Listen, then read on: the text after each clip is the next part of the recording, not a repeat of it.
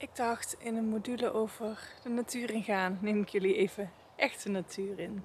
In deze video wil ik je vertellen over waarom ik het zo fijn vind om de natuur in te gaan en ook hoe de natuur misschien jou kan helpen.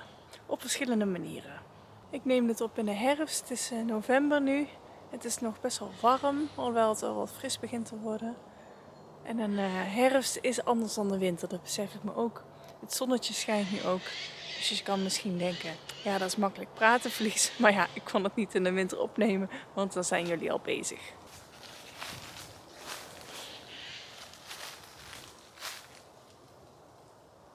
De eerste reden waarom ik de natuur zo fijn vind en waarom het jou misschien ook kan helpen, is om uit je hoofd te komen. En vooral ook een bepaald soort prikkels even achter je te laten en de prikkels van de natuur op te zoeken. We krijgen allemaal heel veel prikkels binnen, echt heel erg veel. En uh, we zitten eigenlijk ook bijna de hele dag in ons hoofd.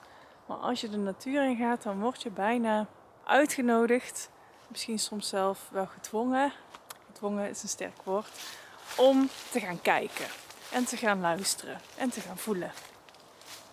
En uh, voor mij is dat effect wel sterker als ik echt in een natuurgebied ben in het buitenland bijvoorbeeld, wat me echt heel erg verwonderd of wat heel erg, wat heel erg spectaculair is. Maar ook in een rondje in het bos achter mijn huis of uh, rondje door de wijk zelfs kan ik dat gevoel hebben. Het tweede is schoonheid zien. Want ik denk eigenlijk dat uh, leren schoonheid zien in de natuur, dat het echt heel goed voor ons kan zijn. Tenminste, mij maakt het altijd zoveel creatiever, zoveel vrolijker, omdat een wereld waar er zoveel schoonheid is, ja, dan is er ook minder ruimte voor uh, ellende, mijn eigen ellende en mijn eigen negatieve gedachten. Dus um, ja, ik zou je ook willen aansporen om bijvoorbeeld die natuuroefening te doen die ik uh, bij de cursus heb gevoegd. Zodat je ook wat meer dieper kan gaan kijken naar de schoonheid die er in de natuur is. Hé, hey, er ligt een paddenstoel. ik zal hem even laten zien.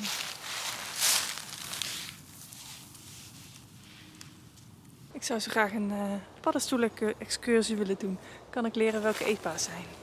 Een, een, andere manier waarop de natuur je zou kunnen helpen, en die gebruik ik ook veel in uh, de coaching die ik doe, in de wandelend in de natuur, is dat je de natuur gaat gebruiken om richting te geven aan de antwoorden die je zoekt op bepaalde vragen. Dus je stelt jezelf open met een bepaalde vraag in je achterhoofd uh, als je de natuur in gaat, stel jezelf open voor de antwoorden die je tegenkomt. En dat uh, kan soms best uh, symbolisch zijn. Ik heb bijvoorbeeld ehm, een tijdje geleden um, kwam ik ook in de herfst veel eekhoorns tegen. En toen ben ik gaan zoeken wat eekhoorn eigenlijk voor dier is. En toen kwam ik tegen dat de eekhoorn ook staat voor vertrouwen in jezelf. Dat was voor mij heel erg symbolisch. Dus elke keer als ik nu een eekhoorn tegenkom, dan word ik wel herinnerd aan het feit dat ik vertrouwen mag hebben in mezelf. En soms ga ik wel eens wandelen met een bepaald vraagstuk in mijn hoofd. En uh, laat ik me leiden door wat er in de natuur, wat ik in de natuur zie en wat er om me heen gebeurt. En het is lang niet altijd wat je verwacht. Soms gebeurt er ook uh, niet echt iets. Maar uh, ja, het zorgt altijd weer voor verrassingen. En soms ook voor inzichten. En op die manier kan de winter ook eigenlijk een soort symbolische herinnering zijn aan dat je bijvoorbeeld rust mag nemen. En dat het ook oké is om sommige periodes uh, wat minder actief te zijn of wat minder productief te zijn. En als laatste punt kan de natuur ook een soort uitdaging bieden, lichamelijke uitdaging ook vooral, die we soms nogal missen.